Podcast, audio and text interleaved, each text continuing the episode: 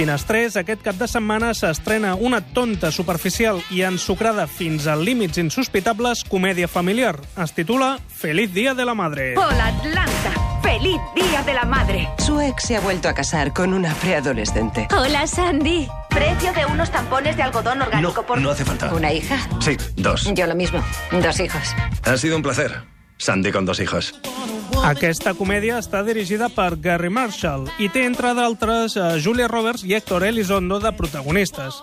La darrera vegada que van coincidir tots tres va ser a la infumable Nòvia a la fuga. Allà també hi era Richard Gere. I, de fet, tots quatre van coincidir també al 1990 en una altra comèdia romàntica, tonta, superficial i ensucrada que va tenir un descomunal èxit i que durant molts anys batia tots els rècords d'audiència quan s'emetia per televisió. Una icona del gènere i dels 90 en general, que va impulsar infinitat de pel·lícules similars que volien imitar el seu èxit. Però la reina dels contes de prínceps i princeses segueix sent Pretty Woman. Cobrarme una indicación. Puedo hacer lo que quiera, chato. Yo no me he perdido. Está bien, de acuerdo. ¿Tienes cambio de 20? Por 20 te acompaño hasta allí. La dada de la finestra.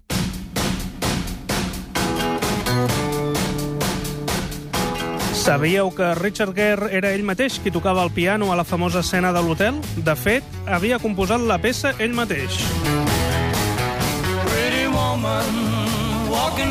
L'escena en què Gere li mostra un collaret caríssim a Julia Roberts i li tanca la tapa als dits en plan broma va ser improvisada. Els productors els va agradar i la van mantenir.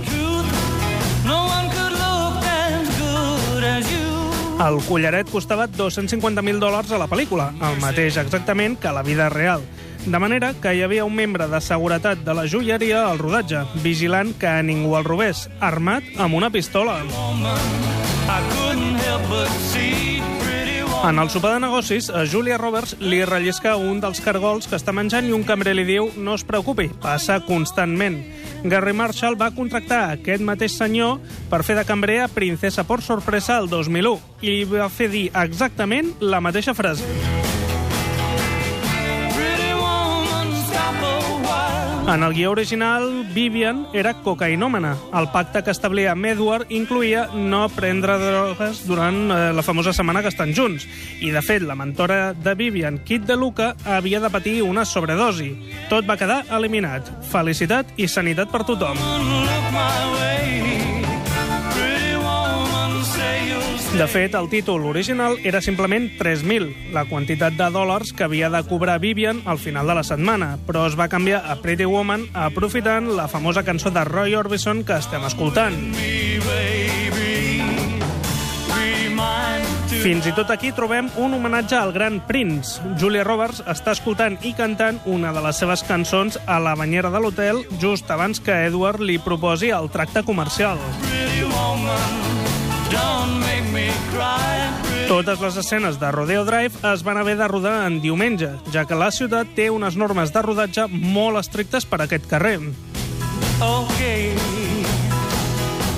Va ser el darrer paper de Ralph Bellamy, un clàssic de la història del cine que feia de James Morse, el senyor gran que no vol vendre la seva empresa a Edward. Va morir als 87 anys, poc després de l'estrena. Fins i tot a nivell internacional es van fer ressò del fenomen que és Pretty Woman a Espanya cada vegada que la passen per televisió. S'ha emès 19 vegades i ha tingut un share d'entre el 14,9 i el 55,6%, un fet insòlid sense comparació amb cap altra pel·lícula. I ja que estem amb els cotxes, el famós esportiu amb el que Edward recollia a Vivian era un Lotus Spirit i, de fet, pertanyia al productor de la pel·lícula, Gary Ross.